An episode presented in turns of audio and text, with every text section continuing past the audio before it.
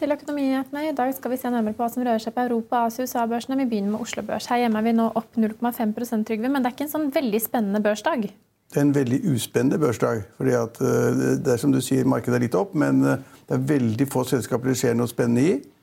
Eh, og Hvis man ser på de amerikanske børsene i går, så var de sånn pluss-minus null. Og de europeiske børsene i dag er sånn pluss, pluss, 1 pluss en kvart prosent og ned en kvart prosent. Så ja, det er usikkerhet i de fleste store børser, og det er veldig liten spenning på Oslo Børs, men altså markedet er litt opp. Så det eneste som er spennende i dag, det er faktisk da Norwegian. Ja, så Norwegian står nesten i 63 kroner og er vel akkurat nå opp eh, nesten 6% Hva er det som skjer i Norwegian? Ja, Det som skjer er, vel, og det er litt morsomt, for det er litt som forutsatt. Altså for det første er altså aksjen litt opp, og så er da tegningsrettighetene ganske kraftig opp. Og Det skyldes at når kursen er 63 kroner på Oslo Børs nå, så betyr det at man kan i en emisjon tegne en aksje til 33 kroner. Da er tegningsrettigheten lik 30 kroner. 30 kroner. Ja. Ja, som er betydelig det, mer enn det Kjos og familien solgte sine tegningsretter. Ja, det sies at de solgte da Først var det noen som gikk for 15 kroner per rett, og så var det noen som gikk litt mer. Men altså det er stort sprang mellom 15 kroner per tegningsrett til 30 kroner. Og nå vet vi at prisen for en aksje i Norwegian er 33 kroner, pluss en rett på 30 kroner er 33 kroner. Det er kursen i dag. Og de har, og de som da hadde aksjer, de fikk jo, for hver aksje de hadde, så fikk de to tegningsretter. slik at hvis, de selger de i dag, til dagens kurs, så får de 60 kroner for rettene sine, og så blir de sittende med en aksje.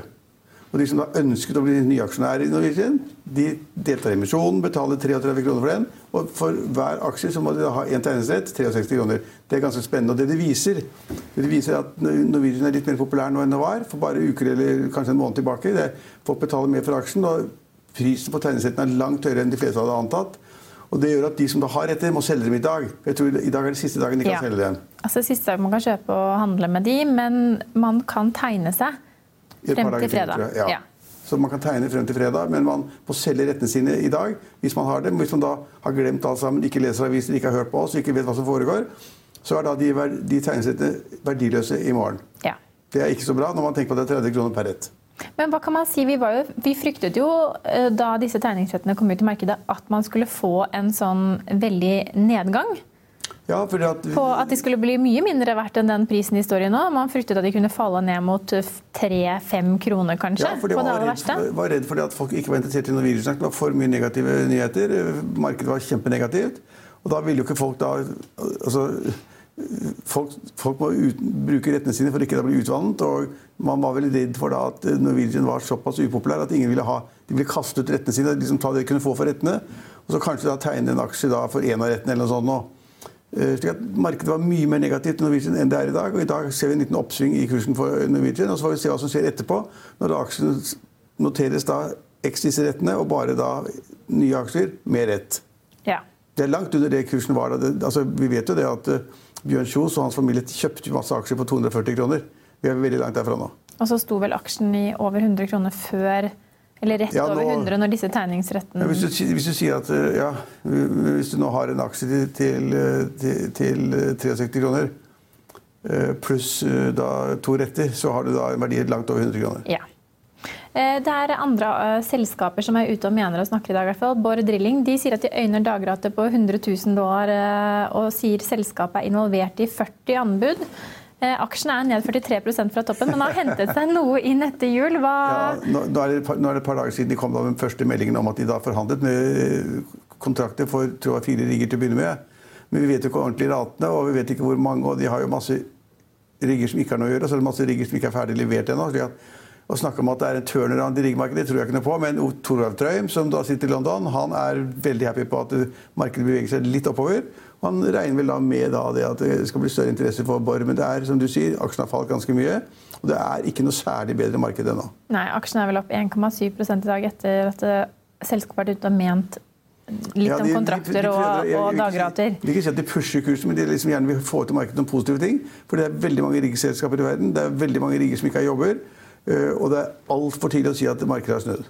Ellers er det som, at vi kan, XXL har fått en ny markedsføringsdirektør. Jeg ser ikke noe sånn direkte utslag i kursen. Ja, det burde ikke være. altså Hvis kursen slo ut på Men at de, trenger, at de trenger å rampe opp eh, ledelsen, og også har gjort mange utskiftninger det siste året, er vel pga. at utviklingen har vært det har negativ. Dårlig. Det har gått ja. dårlig, og ja. Tallene har vært kjempedårlige. Så er det flere som da har gått, og så har det kommet nye inn, og så har hovedeieren kommet inn og overtatt ledelsen selv. Men det er masse igjen å gjøre i XXL, og det der tror jeg er et vanskelig arbeid. Det er selskaper i Norge, selskaper i Sverige, selskaper i Østerrike, hvor det måtte være. Og det har gått dårlig. Konkurransen er knallhard. så det ja, At de får en ny markedsføringsdirektør, det er sikkert fint. og håper han er flinkere enn, flinkere enn andre. Men de, de, bommer, de, de, fortalte at de tapte penger på den Black, Black Friday. Black, Black Friday, Friday, ja, den handledagen som vi har arvet fra USA. Ja, og der tapte de penger på alle produktene de solgte. De hadde ikke klart å regne riktig engang. Og da klart, det kommer sikkert store køer utenfor hvis du regner feil og selger varene for billig. Det kan de ikke gjøre flere ganger. Nei. Så jeg håper at markedsdirektøren kan regne. Ja, Seasons har lagt frem tall i dag og melder om et resultat på minus 2,7 millioner dollar. De hadde minus 10 millioner i samme kvartal året i forveien. Og Philly Shipyard de har jo fått seg en kraftig opptur etter at eh, Stig Myhre tok sin porteføljen for en uke siden, og er vel opp eh, en av de aksjene som stiger mest i dag, opp 29 nye prosent. Ja, det er en av vinnerne, og det er ganske morsomt at Stig Myhre har såpass påvirkning på markedet. Han har gjort det veldig godt med sin portefølje. Eh, så gikk han ut av den og skulle bli sånn investor i, bio, nei, sånn, i bitcoin-selskaper og sånn, og det tror jeg var en fadese, for å si det rett ut. Så det å drive som forvalter eller kanskje regne på ting, er kanskje litt annerledes. Det å sitte og eie et selskap og tro på det og putte penger dit og skaffe penger fra investorene. Slik at han da tok da den, dette skipsverftet inn i porteføljen. Det gjorde at kursen gikk rett opp. Og det til tross for at verftet da, det, det mest vesentlige for verftet at de ikke har noen ordre. Det har ikke noe å gjøre. Så han skriver da også, og sa ganske ærlig at eh, jeg tror på den aksjen hvis de får noe mer å gjøre. Og det er Røkke som da på en måte kontrollerer verftet. slik at Det er sikkert gøy. Og nå syns markedet er gøy. Det har vært vinneren flere dager på rad. Ja, og EMGS også er uh, kraftig opp i dag. Stiger, Elektromagnetisk geofysikk Ja, elektromagnetisk ja. geofysikk. Services, ja, kanskje? Ja. Services, ja. De er i hvert fall opp 10, nesten 11% akkurat nå. Ja, Det er ikke noe nytt heller der. Det er et par dager gammel sak som er eh, at de da meldte markedet. At de da eh, skulle gjøre en deal med noen andre, og en kontrakt, og de skulle selge mye av biblioteket sitt i samarbeid med andre. Men til, til ja, Lurer det var til Jeg er ikke sikker på hvem det var til. Ja, eh, De har også fått en ny Equinor tenker jeg det var ja. til.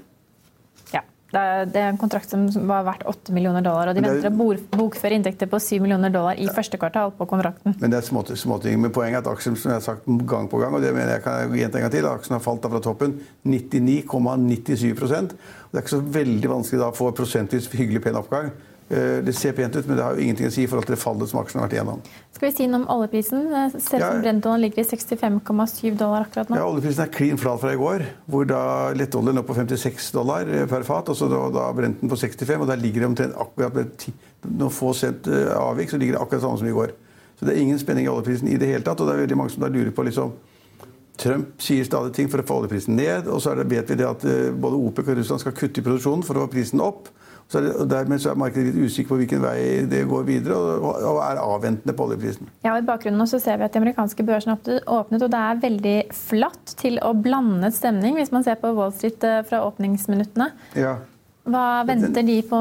Nei, nei, men altså, disse handelsavtalene de er enten alltid går diskontert allerede, allerede, så venter man på avviklingen av det. og så man er usikker, og alle de angrepene på Donald Trump, altså alle de rettsaksene som er satt i gang man, man er usikker på hva som skjer i USA. I tillegg så er man kjempeusikker på hva som skjer med brexit. Det kommer stadig nye meldinger om at selskaper da vil få det helt forferdelig hvis det da, hvis det da nå brexit-forhandlingene blir avbrutt. Det skjer ingenting, og man vet liksom brexit uten avtale, brexit med avtale.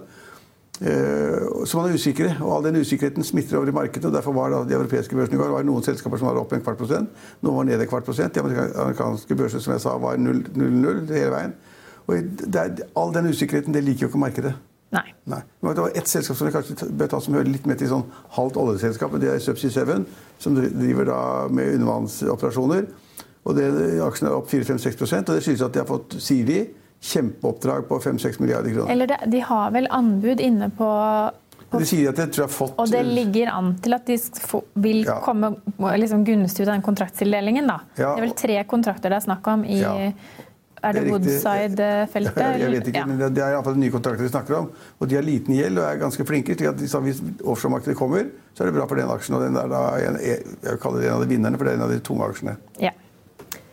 Det var, det var hovedsaken. Ja, Etter vinner- og taperlisten skal vi se nærmere på de tekniske grafene for hovedindeks brent og valuta. Vi tar med oss oljeprisen. Brentålen er nå 65 dollar og 74 cent, opp 0,02% Dagsomsetningen på Oslo Børs er 2,2 milliarder kroner.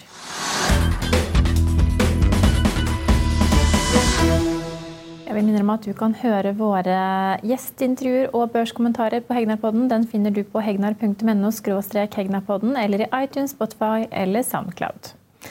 Vi er tilbake i morgen. Vi kan også minne om at Finansavisen i morgen har med Trygve Hegnars leder om kritikken mot norske idrettsutøvere som eier aksjer i spillselskaper, at antall konkurser i Norge sank 14,3% i februar fra samme måned i fjor, og at Norge er det nordiske landet med sterkest vekst i antall inkassosaker blant husholdningene.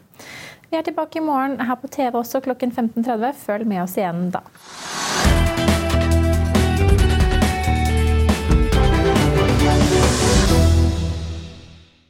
Økonominyhetene er en podkast fra Finansavisen. Programledere er Marius Lorentzen, Stein Ove Haugen og Benedikte Storm Bamvik.